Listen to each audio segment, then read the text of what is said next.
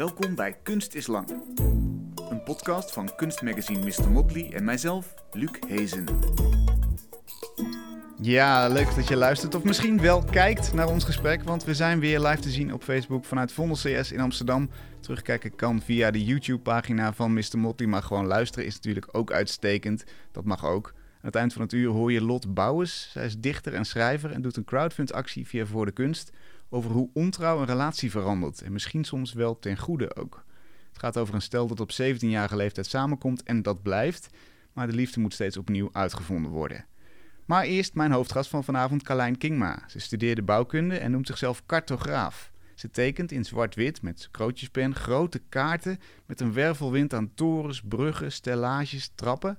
Maar zeker zo belangrijk zijn de kleine mensjes die in haar zelf gecomponeerde werelden rondlopen. De kaarten verbeelden namelijk sociale geschiedenissen en ideeën, thema's die normaal gesproken vooral als abstracties bestaan. Denk aan de geschiedenis van verschillende utopieën of een moderne toren van Babel die gaat over ons geloof in technologie. Carlijn weet die gedachtenwereld te vertalen naar een getekende kaart die zich laat lezen als een vertelling en waarin je eindeloos kunt dwalen.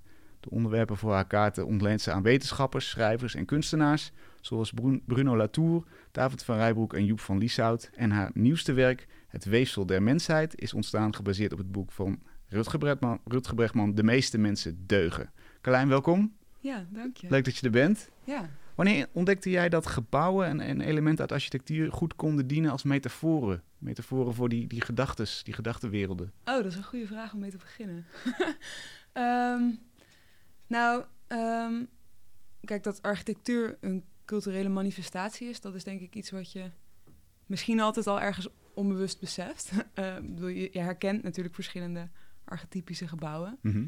Ehm, ja, je ziet dat iets een kerk is en niet een supermarkt. Al, al zit soms de supermarkt tegenwoordig ook in de kerk. Maar, Ja. ehm, en ik denk dat tijdens mijn studie van bouwkunde, als je over de geschiedenis van architectuur leest en, en leert, dan kom je daarachter. Dan, dan, ja, dan, dan word je daar natuurlijk nog steeds, ja, steeds bewuster van. En ehm, ik had, ja, tijdens, tijdens mijn studie ging mijn eigen fascinatie steeds meer de kant op richting bijvoorbeeld utopieën en iets wat eh, paper architecture genoemd wordt. Dus eh, wat, wat in, in een lijn ligt ook met, met eigenlijk de utopische geschiedenis. Dat zijn architecten die ehm, beeldverhalen maken aan de hand van architectuur. Dus een, ehm, eentje die mij daar eh, ja, ontzettend heeft geïnspireerd zijn bijvoorbeeld Utkin en Brodsky. Dat zijn twee eh, Russen die in de jaren 80, 90 in het, i- in de, in de, in, in het Sovjet, tijdens het Sovjetcommunisme ehm, maakten zij eigenlijk...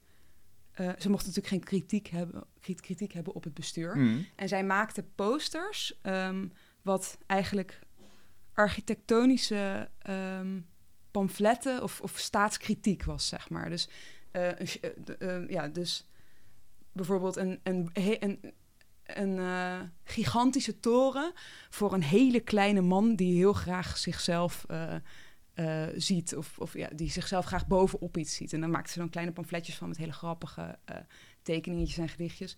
En die verspreidden ze dus. stiekem hingen ze die overal op en die werden echt gereproduceerd. Dus als soort van stadskritiek. Ehm, ja, en dat, dat zijn denk ik... Ja, dat zijn voorbeelden van verhalende architecturen... waar ik steeds meer naar ging kijken en steeds meer over ging lezen. En dus ook hoe ik, ja, hoe ik mijn projecten zelf ook steeds meer ging inrichten. Ja. En in welke leeftijd hebben we het dan? Dan, dan begin je net te Ehm, studeren zo'n beetje. Nee, dat was denk ik aan het eind van mijn bachelor. Ah, ja. Ja, dus uh, zoals ik denk ik 23 of zo, 22. Ja. Ja. En ehm, zie jij ook, zeg maar, eh, wat- wat is dat voor uitdrukkingsmogelijkheid eigenlijk als je in, in gebouwen praat? Ja, Eh, ja. Het is eigenlijk een taal eigenlijk, een Ja. architecturale taal. Ja, ik, ik moet zeggen dat ik dat zelf ook nog heel erg aan het ontdekken ben. Of aan het ontdekken ben. Maar wat ehm, de meest ehm, ehm, logische of herkenbare metaforen misschien ook zijn, is. Of, of nou ja.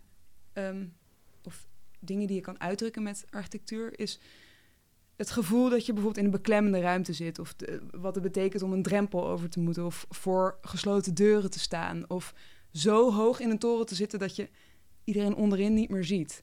Of dat een systeem, laten we zeggen dat we de, de politiek als architectuur eh, verbeelden of iets dergelijks, ehm, wankelt. of instabiel is, of geen sterk fundament heeft, of bovenop het fundament van iets anders gebouwd is. Dat zijn natuurlijk allemaal, allemaal uitspraken die wij ook gebruiken in, ja, gewoon in ons dagelijks Die in taal verweven Ja. zijn ook. Ja, precies. Ja, dat was leuk ook, want ehm, ehm, ik heb dus inderdaad de afgelopen twee jaar samengewerkt met eh, Rutger Bregman. En eigenlijk kwam ik er ook achter hoe, ehm, hoe vaak ik, ja, hoe ontzettend vaak ik ook juist heel erg teruggrijp op die taal. Niet alleen op dus dit soort uitspraken, maar ook bijvoorbeeld op etymologie. En ja, hoe, hoe ik eigenlijk ook heel erg bezig ben met woord. Dus, maar op een andere manier dan hoe eh, Rutger als schrijver daarmee bezig is. Ja. Ja.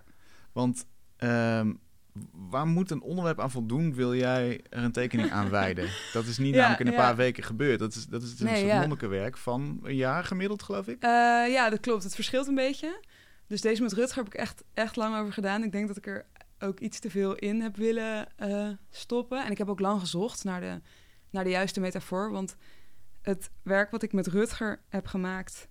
was eigenlijk eentje die ik dus... als je dan vraagt waar moet een, waar moet een verhaal aan voldoen... was eentje die ik niet zo zelf van tevoren had kunnen bedenken. Eigenlijk was die heel erg moeilijk. Want wat, wat ik normaal gesproken... ehm, waar ik naar op zoek ga... is... ehm, nou, misschien, moet ik één, misschien moet ik één stapje terug. Ehm, dus ik, ik, ik, ik analyseer eigenlijk als cartograaf de maatschappij en verschillende instituten eh, die de maatschappij inrichten en besturen en vormgeven. Ehm, dus zoals de politiek of eh, de, het kapitalisme of de bank zou een hele mooie zijn bijvoorbeeld. Of eh, de wetenschap of religie. En dat zijn eigenlijk allemaal van die ongelooflijk grote... ehm, iedereen kent natuurlijk die woorden iedereen, je vindt er ook vaak wat over. Je leest er korte mediaberichten over. En, en, en van de ene weet je wat meer dan van de ander. Maar vaak hoe echt zo'n zo'n instituut helemaal werkt, of zo'n ehm, orgaan eigenlijk van de maatschappij helemaal werkt, dat weet je dan toch ook ne- net niet helemaal. Nee. En om daar dan achter te komen hoe dat werkt, moet je dan, nou ja, neem bijvoorbeeld de bank. Dat is eentje die ik nog, nog niet heb gedaan, maar heel graag zou willen doen. Als je wil weten hoe de bank helemaal werkt, dan, dan is dat best wel, ehm, dan denk ik dat je best wel door eh, een flink aantal eh, droge boeken heen moet gaan werken voordat Mhm. je daarachter komt. En ik weet ook niet of erover lezen het meest, ehm, voor het meeste overzicht in je hoofd natuurlijk eh, ja, zorgt. Want een boek gaat altijd van het begin tot het einde. En soms vergeet je ook. In het begin heb je allerlei structuren geleerd dan. Als je bijvoorbeeld over de bank zou, zou lezen. Mhm, Maar dan weet je mhm. misschien niet helemaal meer waar je die moet plaatsen in dat geheel. Als je dat hele boek hebt doorgewerkt. En met zo'n kaart kan je eigenlijk een, ja, een, een meer soort van kapstok maken. Dus je ziet een, snee, een doorsnede van zo'n heel. eh, ja, zo'n zo'n zo'n architectuur, zo'n systeem. Mhm. En dan kan je dus steeds als je daarin kijkt, ehm, ook bepalen ja, waar je bent in dat systeem en hoe aan, aan wat voor een groot, grotere overkoepelende metafoor je dat kan begrijpen. En elk detail steeds verder eh, inzoomend, zeg maar, verkennen. Dus je kan allerlei, ja, je kan het meer als geheel zien, eh, ja, aan de hand van een kapstok. Ja, je houdt steeds de referentie naar het grotere plaatje, letterlijk eigenlijk. ja. Dus het moet een abstract fenomeen zijn of een abstract iets wat, je, wat, wat nog niet Nee, helder is eigenlijk. Hè? Dus daar zit misschien ook een deel van jouw lol om het helder te krijgen en te ja, precies. En ehm, wat ik dan eigenlijk... ehm, ja, dus ik vind het lekker inderdaad als het zo'n groot, ingewikkeld... eh, ehm, en misschien ja, net een beetje moeilijk, te be- moeilijk tastbaar te maken ding is. Eh, waar ik dan me dus sa- in samenwerking met een expert of met een schrijver of, of een onderzoeker of iets dergelijks alles over ga leren in een jaar of in een aantal maanden. En dan gaan we dat samen uitwerken tot een soort van ja, tot een snede van hoe dat, hoe dat werkt. En ehm, het, het idee daarachter komt eigenlijk ook een beetje voort uit mijn allereerste werk, wat ook, waar, waar ik net ook al een beetje eh, over vertelde. Dus de, eh, mijn allereerste werk gaat over de geschiedenis van Utopia. En ehm, ja, eigenlijk ehm, al die kaarten zijn eigenlijk, eh, daarom noem ik mezelf ook, ook cartograaf, zeg maar. Eh, eh, Ik denk dat, we, dat het handig is om te weten, of dat het zinnig is om te weten waar we vandaag de dag zijn in de maatschappij. Waar we vandaan komen. Dus die kaarten die zijn ook altijd, dus die staan ook altijd op een fundament van het verleden. Dus je ziet ook de systemen waar het op, ja, waar het vandaan komt, zie je daar ook altijd in die kaarten. Mhm. En op die manier dus ook vanuit, vanuit dat inzicht over de maatschappij en die, waar we vandaan komen, na kunnen denken over ja, waar we naartoe gaan, over, het- over het uitzicht. Zeg maar. Is dat ook altijd je indeling? Je begint vaak links, hè, zoals, zoals wij gewend zijn te Ja. lezen. Begin je links bij de oorsprong. Is er dan een midden en een Mm. toekomst? Nee, het, het, de, er is wel bijna in alle werken, ik geloof op eentje na, is, er een, een, een, eh, is het een tijdlijn ook. Dus er is een geschiedenis, een heden en een toekomst. Ehm, maar het is nooit van links naar rechts. Dus, of niet altijd van links naar rechts. In, bij de ene is het een, een Fibonacci-reeks, waarbij het hart zeg maar, het meest ver weg is. Dus ook het kleinst, eh, ja, het kleinste fragment, het slechtst zichtbaar. Het gaat oneindig door. Eigenlijk weten we niet precies waar het begint en waar Mhm. het uiteinde natuurlijk heel groot is. En dat is natuurlijk het, het heden. En bij de ander is het dus meer een fundament. Dus dan bouwt de ene laag op de andere door. En bij die van Rutger is het inderdaad van links naar rechts. Ja, ja. Met een soort van slinger erin. Min ook. of meer, ja, min ja. of meer. Ja, ja, ook niet helemaal. Ja. Laten we het daar eens over hebben. Dat is het weefsel der mensheid. ja. Hoe, welk, welk deel is van jou, welk deel is van Rutger? Ja. Hoe, hoe gaat die samenwerking?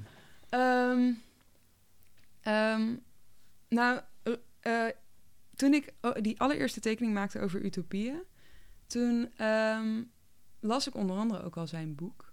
Dus eh, Utopia for Realists heeft hij destijds geschreven. En ehm, toen heb ik, toen ik die tekeningen had gemaakt, was ik aan het afstuderen. En ik was ook nog niet helemaal van plan om die tekeningen ooit aan iemand te laten zien, behalve dan mijn afstudeerdocenten.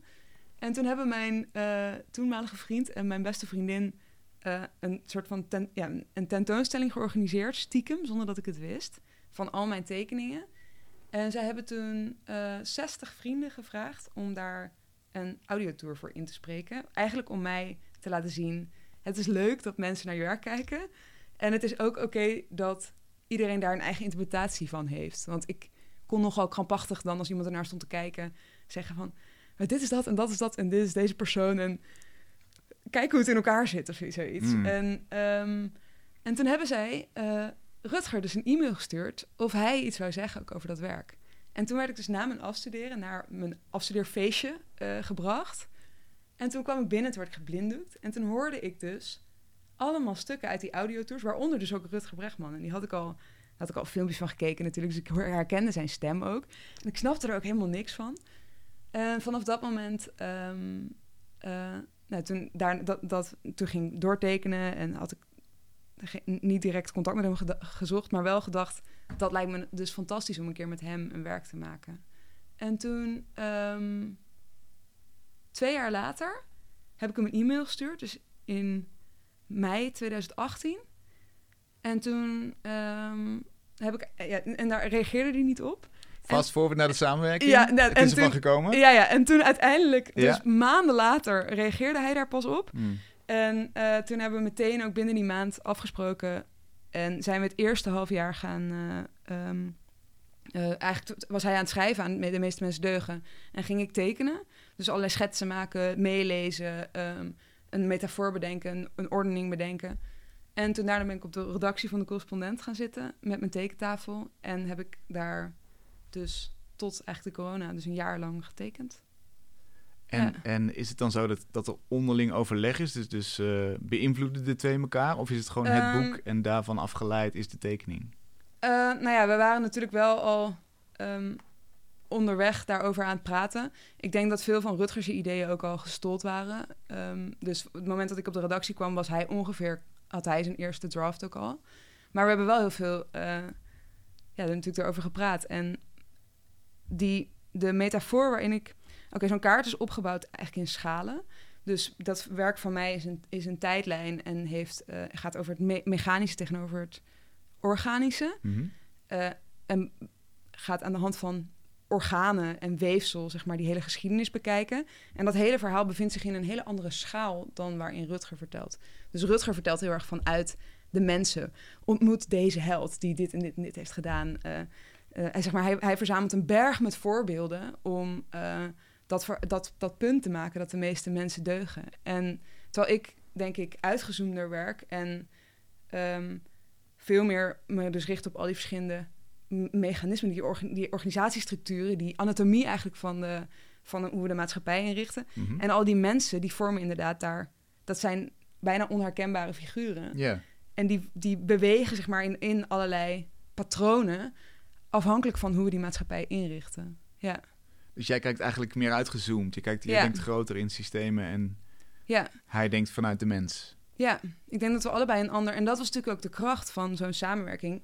Kijk, enerzijds werk ik samen omdat ik natuurlijk aanhaak bij iemand die ergens veel van weet... en ik vertaal zijn ideeën of haar ideeën op een bepaalde manier. Maar anderzijds verrijken twee perspectieven elkaar natuurlijk ook ontzettend. Twee verschillende eh, manieren van kijken en verschillende manieren ook van uitwerken. Op het moment dat ik zijn verhalen in tijdlijnen ging zetten, in assenstelsels ging afzetten tegen elkaar, zat hij daar ook naar te kijken van, oh, oh jeetje, zo heb ik ook, weet je, zo heb ik ook nog nooit naar mijn werk gekeken. En Want, die, want hoe doe je dat? Hoe maak je die vertaling?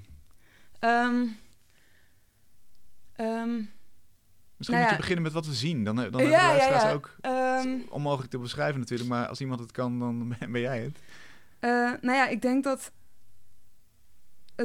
ehm, toen ik bijvoorbeeld die utopieënkaart voor het eerst ging maken, daar is denk ik eh, misschien ook het makkelijkst in uit te leggen. Dacht ik, oké, als ik als je al die utopieën door de geschiedenis heen ziet en dat allemaal ook linkt aan ehm, de wetenschap in zo'n bepaalde tijd, de structuur van de wetenschap in zo'n bepaalde tijd, of eh, hoe het sociale stelsel in elkaar zat, dan zag ik gewoon allerlei verbanden daartussen. Op een bepaalde manier hadden ze allemaal dezelfde vorm. Dus de maatschappij was in kasten georganiseerd, hiërarchisch en centraal. eh, bovenaan die, dan, dan, dan die, dan die. Ehm, tegelijkertijd was te- toen, ten tijde van de Grieken bijvoorbeeld, de wetenschap, Aristoteles, organiseerde ook alles wat we wisten aan de hand van een trap. Je zag dat terug in de organisatie van een utopie, dus de Republiek van Plato. In 1600 zag je dat alles vertakte naar een boom, eh, takken van wetenschap, Tree of Darwin. Maar ook zeg maar die reizen, die vertakkingen naar al die eilanden. Utopia is ook eigenlijk de vertakking van een boom. En daarna dus in het nu een netwerk, zie je ook sociale netwerken, nou, noem maar op. Ehm, en om dat te zien, ik kon, ik kon dat wel allemaal gaan beschrijven, maar eigenlijk lukte dat niet zo goed en werd dat ook niet zo, niet zo interessant, omdat er waren zoveel ehm, dwarsverbanden te herkennen op het moment dat je dat ruimtelijk zou uitdrukken. Mhm. En toen ik dat dus ook probeerde te beschrijven toen, toen, en dat, dat dus niet lukte... en ik gewoon van de een op de andere dag uit noodzaak dus ook dacht... ik moet dit uittekenen, dit moet een kaart zijn... Waar waarin je dus al die verbanden kan zien... en die hele logica van, ja, van dat assenstelsel zeg maar begrijpt. Ja, daar kwam, toen ik dat dus ook voor de eerste keer mijn docent liet zien... en hij er een soort van doorheen gleed en in één keer zag... oh, kijk, de, de, de, de figuren uit de, uit de ehm, eh, renaissance kijken terug door de oculus van het Pantheon naar de oudheid. En hij las gewoon al die, al die lijnen die ik erin had gestopt. En toen dacht ik, oh ja, kijk, dit... Die beeldtaal dit is veel werkt, treffender, ja. dat werkt beter. Ja, en iedereen kan ook gewoon op een andere manier vanuit iets wat hij herkent starten. En eh, ja, misschien dat ook die ambiguïteit, of de, je ziet ook heel duidelijk dat er een bepaald perspectief aan is genomen. Je ziet dat bijvoorbeeld in de kaart van Rutger in het midden heb je de verlichting, die, eh, die heeft een bepaalde architectuur. Dus je ziet een groot bureaucratisch lichaam op een gegeven moment ook, allemaal optimalisatie, eh, standaardisatie. En je ziet dat die verlichting een hele verlichte vooruitgang, zeg maar, een, een, eh, ja, een verlichte kant heeft die tot heel veel vooruitgang leidt. Mhm. Maar je ziet dat ec- dezelfde architectuur, diezelfde blauwdruk eigenlijk, ook een hele duidelijke schaduwzijde heeft. Letterlijk, die verlichting heeft die schaduwzijde. En die, die dus dat is bijvoorbeeld, eh, ja, ehm, de, het, het, ehm, de burgerregistratie bijvoorbeeld, of dus de, de, de holocaust eigenlijk ook een, een, een bakermat van de verlichting. Dus waar ehm, over reguleren natuurlijk tot hele nare eh, dingen heeft geleid. Ja, dus het, het systemen inbrengen, zeg maar, dat, dat, dat begint in de, in de verlichting en langzaam druppelt dat hè, verder in de tijd. Wordt dat Schuif, heel je- schuif je meer op, ja, ja. precies. En, en, En, die, ja, en die, die architecturen lijken ontzettend op elkaar. Dus die vooruitgang en die destructie eigenlijk hebben op een bepaalde manier heel veel esthetiek met elkaar overeen. En dat is ook heel interessant om te zien, ook in de geschiedenis van utopieën en dystopieën. En als je naar modernistische architectuur kijkt, dat is natuurlijk begonnen als utopie, maar als je het realiseert, kijk maar naar bijvoorbeeld de Belmer, bijvoorbeeld, wat een.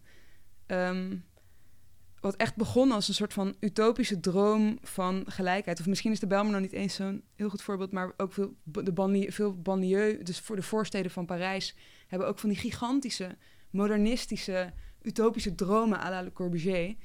En dat zijn gewoon, dat is gewoon totaal anders uitgepakt, zeg maar. je kan een systeem bedenken en het kan helemaal omslaan in een soort van de, de, de, de nare tweelingbroer, zeg maar. En door ze samen te voegen in één tekening ga je die dwarsverbanden zien. Zie je ja, je eigenlijk ziet het eh, meteen. hoe Ja, de vormentaal heeft uitgepakt. ja en je ziet. Ja, precies. En je ziet ook dat, nou, dat je daar dus ook. eh, ja, dat, dat je daar dus ook genuanceerd over moet praten, misschien. Dat het dus. ehm, nou ja, dat, daar komt ook uiteindelijk, denk ik. Die ambiguïteit is ook, denk ik, belangrijk, of die nuance, om, om, om, om, om te beseffen. Dat het dus, dat utopisch denken bijvoorbeeld, een, een, ehm, kijk, een utopie ik, ik ben natuurlijk continu bezig met toekomstverbeeldingen ook maken, met utopieën. Maar een utopie is ook ongelooflijk gevaarlijk. Zeg maar je kan niet de wereld van morgen bedenken en ehm, denken dat we daar ook daadwerkelijk precies naartoe gaan. Kijk, je kan wel heel veel scenario's bedenken. Mhm. En eh, het is heel belangrijk om de utopie als een denkoefening te introduceren, waarbij je ehm, nou ja, de wenselijkheid bespreekt van talloze verschillende scenario's. Maar de momenten waarin we utopieën hebben uitgetekend op een tekentafel, precies soort van een perfecte wereld hebben bedacht en daar in één streep naartoe hebben geprobeerd te reizen, dat zijn denk ik de, dat zijn scenario's geweest van nazisme of het Sovjet-communisme, zeg maar. Dat zijn complete eindigen met geweld afgedwongen van boven geprojecteerde utopieën. Ja. En die zijn natuurlijk, die zijn niet wenselijk, laat ik het Dus, zo zeggen. dus in vormentaal zeg je eigenlijk, het, het moet het kronkelende pad zijn. Het moet ontstaan. eh, Ja. En niet de rechte streep die zegt, eh, we gaan nu hier naartoe en eh, Ja. zo wordt het. Het is een, het is een uto- utopia is een denkoefening. Ik denk dat dat het Het is belangrijkste een is. nuttige illusie eigenlijk. Ja, en het is heel erg zinvol om continu, denk ik, te proberen snedes te maken van hoe het nu eruit ziet. Proberen zo met zoveel mogelijk inzicht, zoveel mogelijk besef van waar je vandaan komt, verschillende paden naar de toekomst te verkennen. Probeer nog eens die kaart te omschrijven. Gewoon letterlijk. Ja. wat, wat zien we eigenlijk? Ja, ja, ja. Ehm, nou, het is. ehm, ehm, ja, eigenlijk volgen we een. We, in, in het midden zie je het nu. En vanuit het nu er. eh, in het nu staan drie grote torens. De ene toren eh, ehm, is de media, de andere toren is de wetenschap en de andere toren, de laatste toren is de macht. En ehm, vanuit die toren van de wetenschap en de media kijken we, sta- staan allemaal lenzen naar de linkerkant van de kaart. En daar, daar zien we het verleden. En eh, vanuit ook, en aan de rechterkant zien we dus allemaal, allemaal paden, allemaal verschillende wegen waarin we uitbreken naar de rechterkant van de kaart, de toekomst.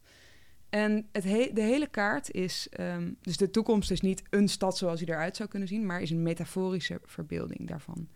Ehm, dus eigenlijk het verhaal wat ik vertel gaat over ehm, de geschiedenis, een geschiedenis van de mensheid, een geschiedenis, eh, en dan de geschiedenis van, ja, wat een geschiedenis is van samenwerking en verbinding. eh.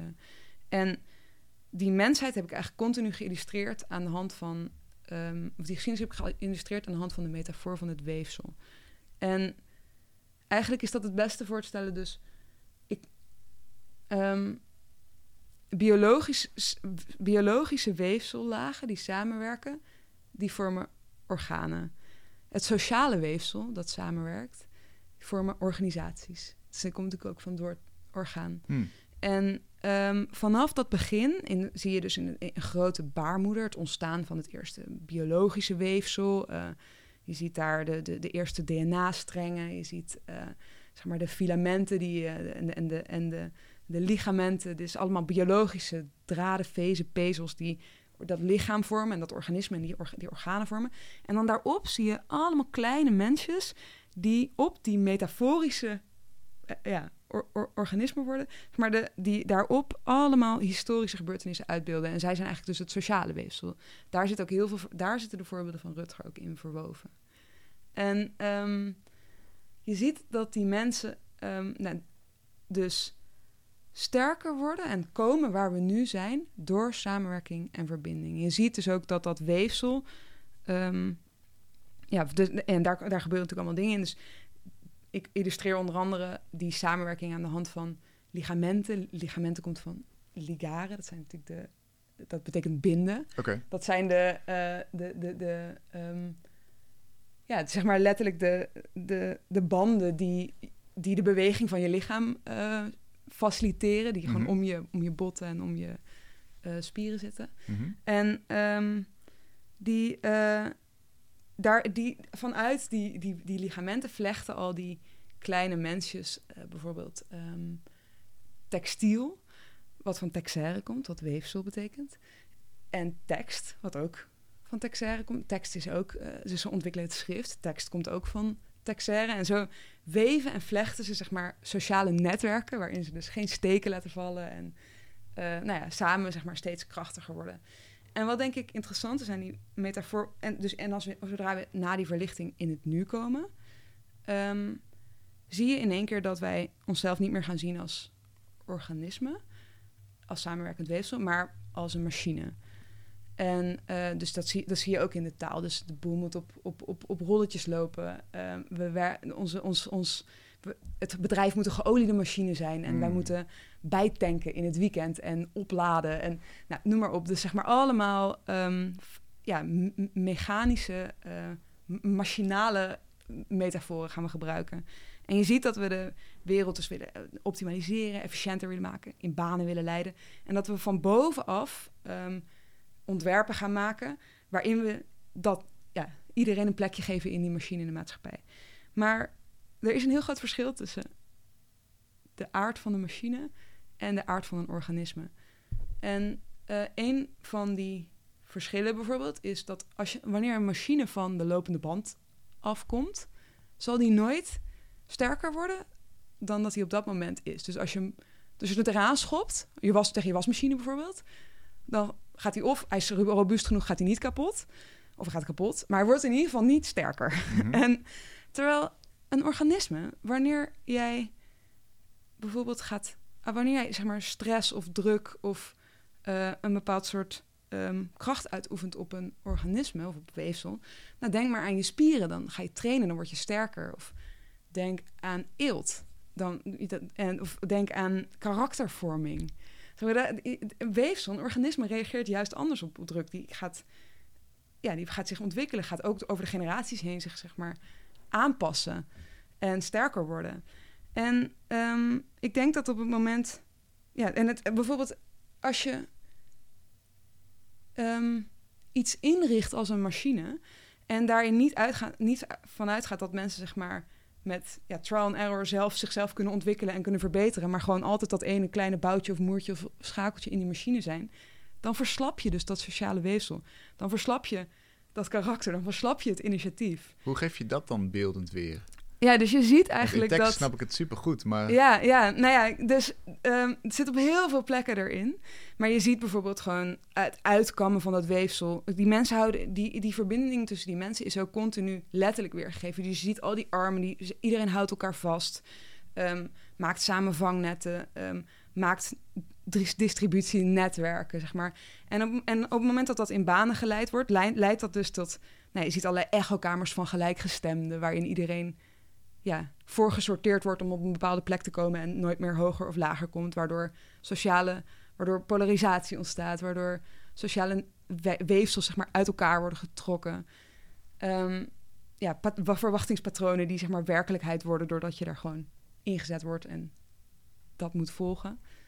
Ehm, nou ja, dat je bijvoorbeeld, je ziet op een gegeven moment, op het moment dat je bijvoorbeeld je been breekt, E- en je zet er een spalk omheen. Dat is natuurlijk datzelfde weer met die. Nee, eh, dus je zet er een spalk omheen. Dan zal in eerste instantie natuurlijk je bot ehm, herstellen. Dus enige mate van regulering is natuurlijk goed, kan Mhm. zeg maar bijdragen. Maar als jij die spalk er niet afhaalt, nooit, dus maar blijft overreguleren, dan, dan leidt dat natuurlijk tot ernstige vormen van spierartrofie en botontkalking. En dan wordt zeg maar dat weefsel, dat verslapt gewoon totaal. En dat, nou, je ziet dus ook die spalken, het amputatie van het weefsel, het rechtkammen van iets wat eigenlijk juist sterk is doordat het, denk aan een weefsel, vervlochten is met elkaar. Nou, je, ziet, je ziet dus al die metaforen op allerlei plekjes, zie, zie je dit als metafoor voor ja, bepaalde processen. Dan is er de toekomst nog. Ja, nou ja, daar. derde tekening. Ehm, eh, ja, dus eigenlijk is de, de, de toekomst eigenlijk... Wat, wat gebeurt er dan als we onszelf wel zien als ehm, als we zeg maar die kracht erkennen van die afhankelijkheid van samenwerking, van vertrouwen hebben in die ander. Ehm, en dus allereerst, ja, als je dus die maatschappij, als je bijvoorbeeld de economie niet, eh, als je economie ziet als een eh, machine of en niet als een orgaan van de samenleving, als je, eh, dan kan je ook bijvoorbeeld begrijpen dat ehm, ja, oneindige groei in een machine klinkt als zeg maar meer productie, positief. Mhm. Maar oneindige groei, ongeremde groei in een orgaan, klinkt natuurlijk ook eerder als iets, iets als kanker bijvoorbeeld. Dat, daarvan begrijp je meteen dat dat natuurlijk ook het geheel in gevaar brengt. Dus het gaat om de, al je ziet de onderlinge verbinding van al die verschillende organen van de, van de maatschappij die samen een gezond geheel moeten vormen en in balans met elkaar zijn. Je ziet in, ehm, in plaats van grijparmen die besturen en iedereen in, in een hokje zetten of in een bepaalde plek zetten, zie je handen die van onderaan vanuit de pees de ligamenten aangestuurd worden en die supporten. Dus zeg maar, eigenlijk zie je daar, als je daar een Blu-ray print overheen zou leggen, zou je het schema van directe, zeg maar, eh, meer burgerinspraak, directe democratie daarin kunnen herkennen. Daar zitten dan allemaal kleine figuurtjes in die ook dus weer, te- ja, als je daarop klikt in de audiotour die we dus met Rutger hebben gemaakt, dan hoor je de eh, verhalen van Rutger, dus over letterlijk wie dat dan zijn en welke voorbeelden dat dan op gebaseerd is. Waar Ja. is die te horen, die audiotour? Oh ja, dat is een hele goeie. ik vergeet bijna te zeggen. Het enige wat ik echt van tevoren dacht, dit moet ik niet vergeten. Eh, ja, dus wat ehm, elke keer als ik zo'n kaart maak, is natuurlijk ook experimenteren met de vertelvorm. Ehm, en wat Rutger en ik hebben gedaan met, in samenwerking met de correspondent, is deze kaart online als kaart eh, beschikbaar stellen. En ehm, daarin kan je dus er doorheen reizen en de audiotour volgen. En dat is te zien op www.decorrespondent.nl slash het weefsel der mensheid. Het Ja. weefsel der Het mensheid. weefsel, Ook de het titel van, de ja. kaart. Ja. Wat zou je zeggen in, in grote lijnen wat je bedoeling is met die kaart? Moet, moet het iets verduidelijken of moet het een ander perspectief toevoegen? Ja. Eh, want je zei net al, eh, je corrigeerde jezelf al, hè, er, is niet, er is niet één uitleg van die kaart, er zijn er meerdere, iedereen mag erin Ja. dwalen. ja. Eh, tegelijkertijd komt het natuurlijk uit één perspectief, namelijk jouw, ja. jouw hoofd, op basis van heel veel research, gesprekken misschien met de wetenschappers, kunstenaars, schrijvers. Ja. Ehm goeie vraag. Klinkt ook als veel vragen. Even denken. Ik sta inderdaad altijd eh, er ook ergens zelf in die kaart... om ook nog maar weer te benadrukken... dit is een manier van kijken. Eh, Als je die tour ook volgt, dan zeg ik ook... ik laat je een manier zien. Je kan de tour, een tour volgen waarbij je dat historische verhaal hoort. Je kan ook inzoomen op de metaforen. Dan, heb je, dan ga je een heel ander... ga je misschien vanuit een heel ander perspectief... ja, dat verhaal eh, bekijken... Ja, en in de verte zie je allemaal torens die weer allemaal andere metaforen nog even verkennen. Om ook maar te laten zien, zelfs die metafoor is natuurlijk gekozen en, Hmm. en een ingang. Ehm, ja, wat ik denk ik hoop is eh, allereerst, de, ik denk dat het relevant is om ehm, dit soort onderwerpen aan te snijden. Om zeg maar, ik, te ja, inzicht met elkaar te delen. En, en ook dat op een manier te doen dat ik niet per se vertel hoe het allemaal in elkaar zit. Maar dat ik je misschien uitlok ook om er een stuk interpretatie ook zelf ernaartoe te komen. En dan, als je wil, kan je de audiotour volgen of de punten volgen. En dan kan je ook allerlei ja, letterlijke kleine voorbeeldjes daarin vinden. Dan kan je het zelf ook een beetje nog misschien iets meer reconstrueren. Ehm, ja, en ik denk dat ik ook gewoon echt vooral heel erg hoop om mensen enthousiast te maken voor ehm, eh, de grotere verhalen van onze geschiedenis en van de mensheid. Want waar we, waar we zijn op dit moment, ondanks dat we natuurlijk echt voor hele grote uitdagingen staan en er heel veel problemen zijn, maar de menselijke geschiedenis is ook, is ook echt een episch verhaal. Gewoon. Het is fantastisch om, zeg maar, de, hoe, hoe de, de geschiedenis van de, van de democratie is gewoon is fantastisch, zeg maar. En alle ideeën die we hebben gehad. Ja, er zijn natuurlijk er zijn gruwelijke dingen gebeurd. De de geschiedenis is ook, ook natuurlijk heel, er zitten heel veel hele gruw- gruwelijke dingen aan. Maar het is ook echt fantastisch om te leren over, ja, over al, over de totstandkoming van hoe de, hoe, hoe de maatschappij zoals die er vandaag de dag uitziet, hoe we hier zijn gekomen. Ja. En eigenlijk als je het zo zegt, hè, dus als je het in dat licht plaatst, die geschiedenis moet verteld worden en dat perspectief moet een keer geopend worden. Normaal gesproken vind je dat alleen inderdaad in, in, in boekenplanken vol met, met boeken. Daar is het Ja. allemaal in beschreven natuurlijk. Ja. Maar dat is, dat is niet voor iedereen weggelegd. Niet Ja. iedereen trekt dat om zo'n dik boek te lezen of, of Dat, überhaupt te lezen. Of, eh, dat is het precies. Ja, dat is het ontzettend. Kijk, ik, beeld is natuurlijk een andere taal. Waarbij je ook dus nooit hetzelfde, precies hetzelfde gaat vertellen als wat er in een boek staat. Maar je kan wel heel erg dezelfde. Je kan natuurlijk wel dezelfde thema's pakken. En dat in een, op een totaal andere manier tot leven brengen. En, en dus ook toegang bieden tot dit soort onderwerpen voor mensen die ja, op een hele andere manier dingen leren en, en zich verhouden tot, tot, tot, ja, tot dat soort ideeënwerelden. heb je een voorbeeld van iets wat absoluut niet in, in een tekst geschreven tekst kan, maar wel heel goed in die beeldtaal naar voren komt? Ehm, nou ja, wat ik. eh, kijk, als je bijvoorbeeld naar die toren van die macht kijkt. het- ik denk dat het kapitalisme bijvoorbeeld, of, of, of het. of het, ehm, dat is niet per se alleen in deze tekening. Zit in al die tekeningen zit een soort van Babylonische torens. Die, ik denk dat dat kapitalisme toch ook gewoon heel erg voelt als een soort van, voor veel mensen, als een be- beklemmend groot ding wat boven ons hangt, dat groter is dan wij zelf, waarvan we het idee hebben dat we er misschien ook helemaal niet, niet helemaal meer invloed op hebben en waarbij we een soort van vastzitten in dagelijkse routines om maar mee te draaien. Dat beklemmende, dat is een beklemmend gevoel, denk ik, wat mensen kunnen herkennen in een beeld. Mhm. En ehm, ja, misschien kan je het ook wel, je kan het vast ook in woord beschrijven, maar ehm, nou ja, ik heb wel ehm, het gevoel. Ik heb bijvoorbeeld een, ik, ik teken vaak bij mijn ouders in, eh in Warnsveld, in- vlakbij Zutphen. Die wonen daar een beetje buitenaf. En als ik echt een aantal maanden gewoon helemaal moet terugtrekken, dan ga ik daar naartoe. En mijn oom en tante die wonen daar ook. En ehm, mijn oom eh, leest denk ik niet heel snel heel veel boeken, maar dat is een slimme man. En die kwam, die, die, kwam bij, mij, staan, bij mijn tekening staan. En die las op zo'n die las op zo'n intuïtieve. Ik kwam er gewoon meteen achter dat hij zo goed in beeld, meteen ook de woorden voor zijn eigen verhaal kan vinden. En zo kwamen we gewoon op gesprekken die ik ook niet eerder met hem had gehad. Dus dat ging ook over dat was, ging over een, tekening waarin een cultuur aan de ene kant ziet, natuur aan de andere kant, dus of epistemologie en ontologie, of ja, waarheid en vinding, zeg maar. Eh, en een grote kloof daartussen.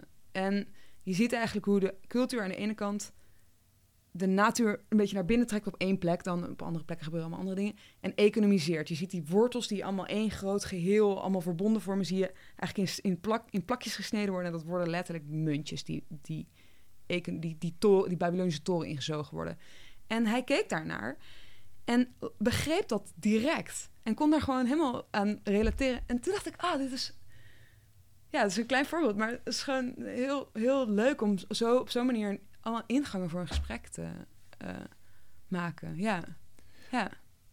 Ben je dan zelf nog achter nieuwe dingen gekomen door te tekenen? Vallen er kwartjes, zeg maar, als jij, als jij die pen op je papier hebt? Ja, over muntjes gesproken. Ik probeer ook Eh, een metafoor. Ehm, eh, ja, hoogstwaarschijnlijk wel. Ik kan, niet, ik kan zo even niet een voorbeeld bedenken. Ehm, nou ja, kijk, ik, ik- tijdens dat tekenen leer ik natuurlijk sowieso heel veel. Ik bedoel, als je, als je iets moet natekenen, dan ga je zo goed kijken. Dus bijvoorbeeld die werk van, dat werk van Rutger. Normaal gesproken maak ik natuurlijk allemaal ehm, eigenlijk machines en, en, en, en architecturen, zoals we architectuur ook kennen, om die, om die, om die eh, eh, organisaties van de maatschappij mee te verbeelden. Dat werk wat ik met Rutger heb gemaakt, ben, ben ik gewoon de oude Sobotta anatomie-gidsen van mijn ouders, die allebei fysiotherapeut zijn, helemaal gaan doorspitten.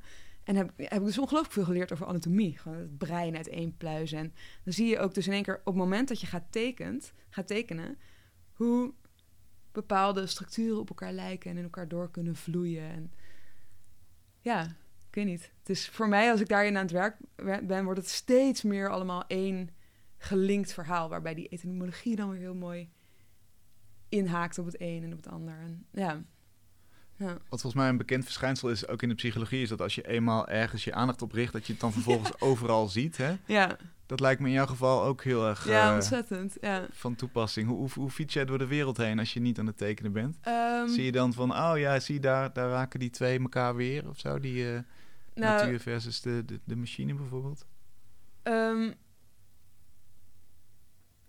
Ja, ik weet niet of ik dat zo ontzettend duidelijk heb. Ik, ik, ik ben wel, ik ben wel, als ik met zo'n verhaal bezig ben, ehm, ik zit er wel helemaal in, in dat thema. Dus dat. eh, Dat vermoeden had ik helemaal, al. ja, ja. Eh, kijk, mijn, mijn leven is. eh, ik, ik werk het best als ik mijn leven op, opdeel in blokken. Nou ik weet niet of het altijd even gezond is voor me trouwens, maar dat is hoe ik in ieder geval nu alles doe. Dus ik heb gewoon periodes dat ik heel veel lees en dan ben ik ook heel veel aan het praten met mensen en extreem gierig en, oh, gierig en leer, leergierig en misschien in sommige situaties kan ik me voorstellen dat, dat het bijna een beetje parasitair is. Gewoon dus zo erg alles willen weten wat iemand denkt en daar allerlei bronnen bij zoeken. Ik kan me voorstellen dat als ik dan met mensen aan het praten ben, dat ik inderdaad ook heel erg daar continu alles aan probeer te linken. Eh, ja, en dan daarna komen er blokken dus van tekenen. En dan zit ik ook gewoon... Dan merk ik ook dat ik... ehm, dus die blokken van tekenen zijn dan maanden achter elkaar... waarin ik alleen teken. En dan is het dan dus zeven dagen in de week... van acht uur s ochtends tot elf, twaalf uur s avonds. Zo. Ja, en dan heb ik dus geen... Dan zie ik dus ook mijn vrienden niet. En dan is gewoon alleen om, om dus zo... Want ik, ik teken met die pennen en ik kan ook geen fout maken. Ik moet con- constant handschrift hebben. En ik moet heel veel laag tegelijkertijd onthouden. Anders kan je niet zo'n complexe architectuur, zeg maar... zonder dat eerst in schets op te zetten, kan je dat niet uittekenen. Dus het moet in één keer goed. Het moet in één keer goed, ja. En ik heb het verhaal ook helemaal in mijn hoofd en ik moet het allemaal vasthouden. En dus ik moet dan gewoon alle...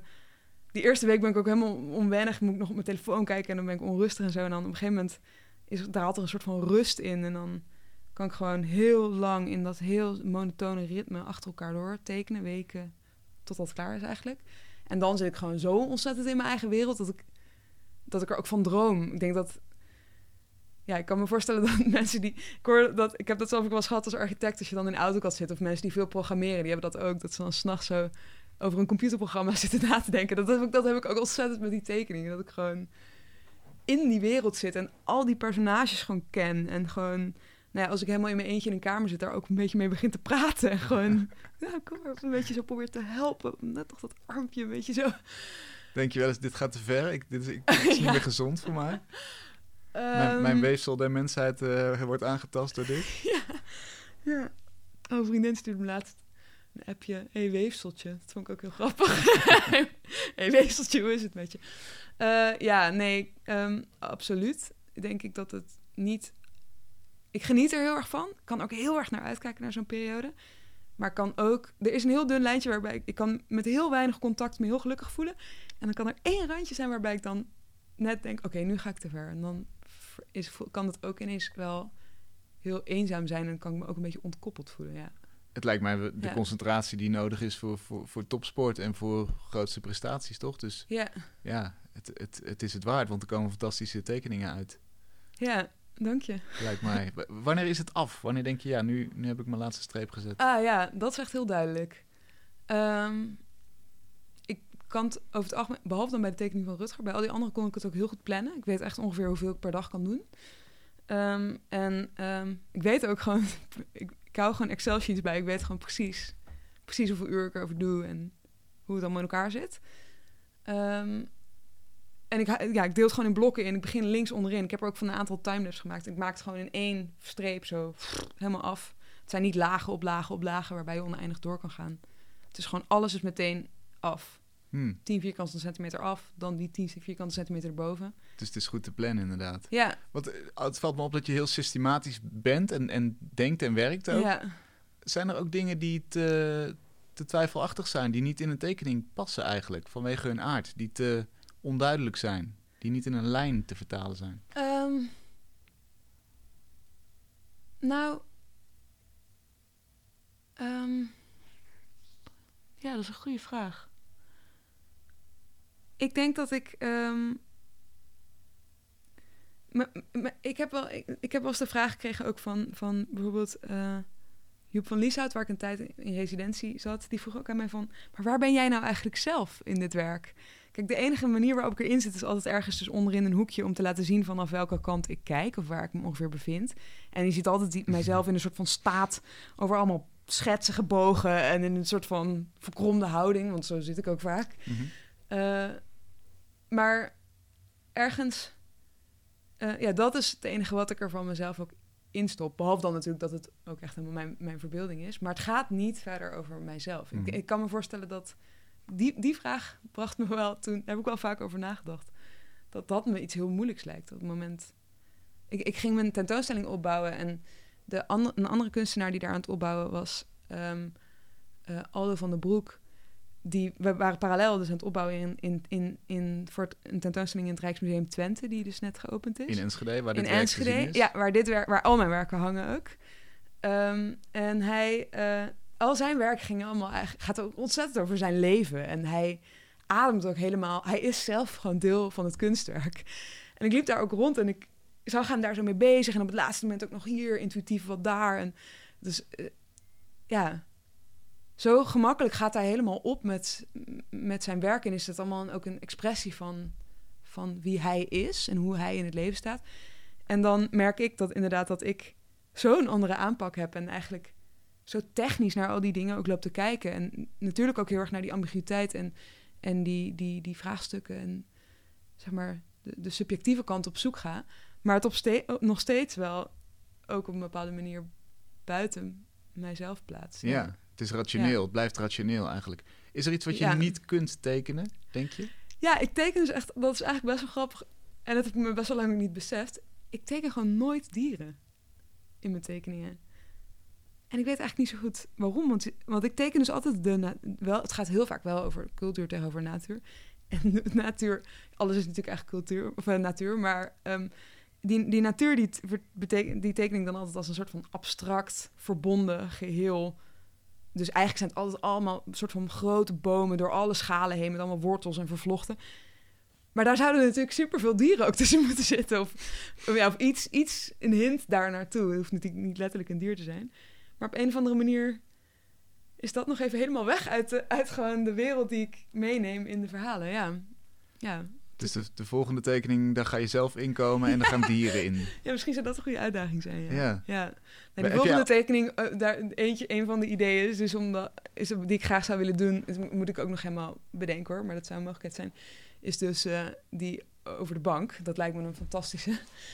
Ik weet niet of dat de beste is om mezelf en de dieren in te doen. dat lijkt me niet, dat lijkt me niet de beste Het wordt optie. een heel grote uitdaging.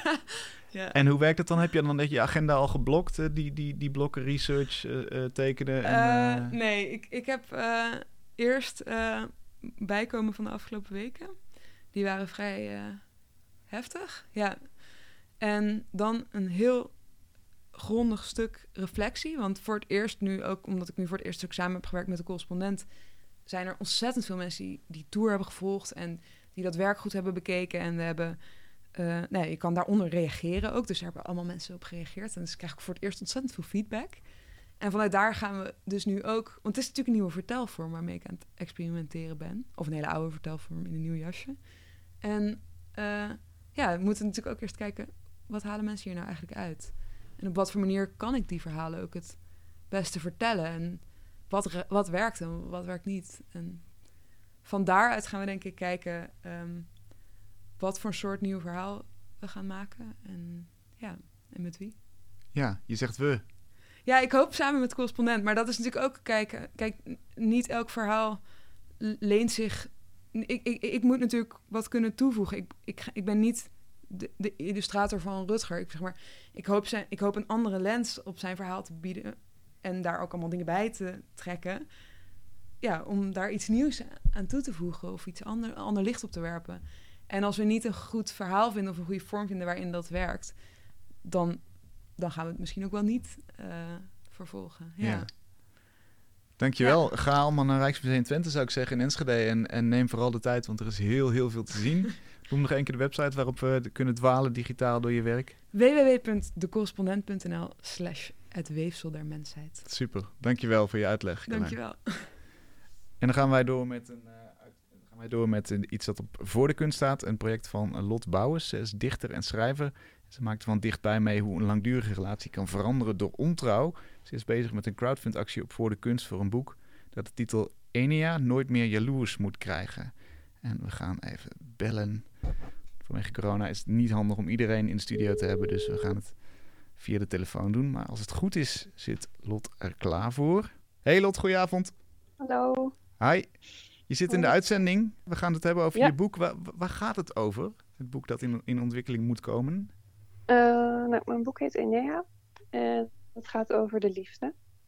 En daarmee eigenlijk alle aspecten van de liefde. Dus niet alleen gezellig, leuk, verliefd in een relatie zitten, maar ook dingen die minder leuk zijn en waar mensen minder, minder makkelijk over praten. Zoals? Ehm, nou, een belangrijk onderdeel van Enea is in een relatie zitten en gevoelens voor iemand anders krijgen. En het taboe dat daarop lijkt te liggen. Ehm, ik vertel in het boek over de weg en de, ja, de zoektocht eigenlijk naar zelfrespect in een relatie. En mm, de zoektocht naar zelfrespect nadat ik voor een ander viel en vreemd, gaan, vreemd ging. En dat heb je dus inderdaad zelf aan den lijve ondervonden.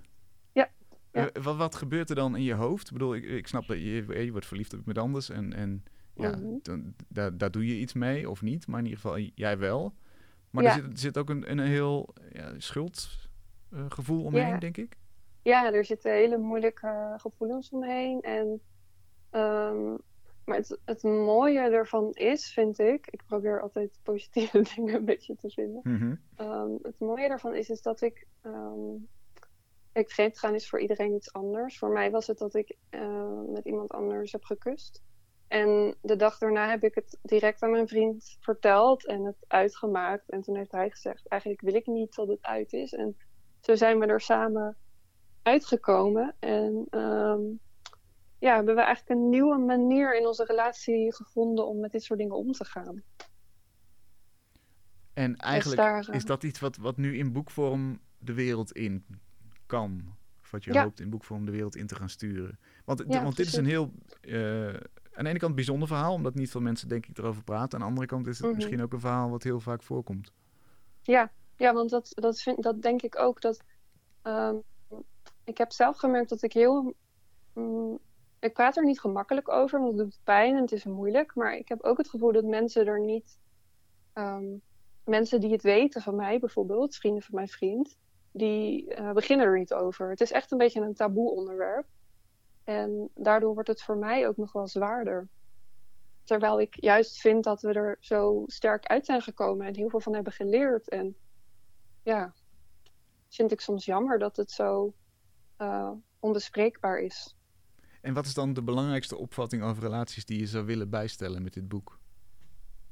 Ehm, nou, ik zou willen. Ehm, ik zou willen dat er meer openheid zou komen over het aantrekkelijk en interessant mogen vinden van andere, man, andere mensen. Mhm. ehm, als je in een relatie bent. En ja, ik zou ook willen dat er meer in wordt gegaan op de reden waarom iemand ontrouw is. Als je het zo moet noemen, ontrouw. Ja, het zwaar Ehm. woord, ontrouw. Ja, ja, Voor, Mm. voor, voor met iemand zoenen. Ik bedoel, het is niet, het is niet wat je doet in een relatie, maar het is wel eh, ontrouw. Klinkt een beetje oud-testamentisch. ja, ja, precies. Ja. Ja. ja, ik zoek nog een mooi woord ervoor. Ik vind het, want ik vind vreemd gaan ook echt een verschrikkelijk woord. Mhm, mhm. Ja. Ehm, ja, maar in de, in de tijd dat het bij mij gebeurde, dat is nu zo'n, ik denk drie jaar geleden, iets minder lang geleden, ehm, had ik echt het gevoel dat mensen mij alleen nog konden zien als een vreemdganger. Terwijl ik ook nog heel leuk en gezellig kan zijn. En ehm, ja, het komt natuurlijk ergens vandaan. Mhm. En ik heb het idee dat. Ja, ik weet niet of ik de opvatting over relaties zou willen bijstellen, maar de opvatting over hoe mensen. Ja, misschien niet eens de opvatting, maar meer hoe mensen met je omgaan nadat, je zoiets, nadat er zoiets gebeurd is. En hoe vat je dat dan in gedichten? Want er komen vooral gedichten in in het boek, hè? Ja, ja. Ehm, ja, het zijn niet alleen gedichten, want ik heb natuurlijk. Ik ben dichter en ik heb. eh, mijn andere twee boeken zijn ook dichtbundels. En dit is echt meer een doorlopend verhaal met af en toe een gedicht. Mhm. Dus de gedichten zijn meer ondersteunend aan het verhaal. Want ik denk dat het ehm, te abstract zou worden als dit alleen maar in gedichten zou worden Oh, ja. Eh, neergezet, denk ik. heb, heb je er eentje liggen, een gedicht? Die je zou kunnen Eh, voordragen? Ja, ik zit aan mijn boek op mijn laptop. Even kijken hoor. Hmm, Ja, heb ik wel. Graag. Ja, graag. Ja, oké.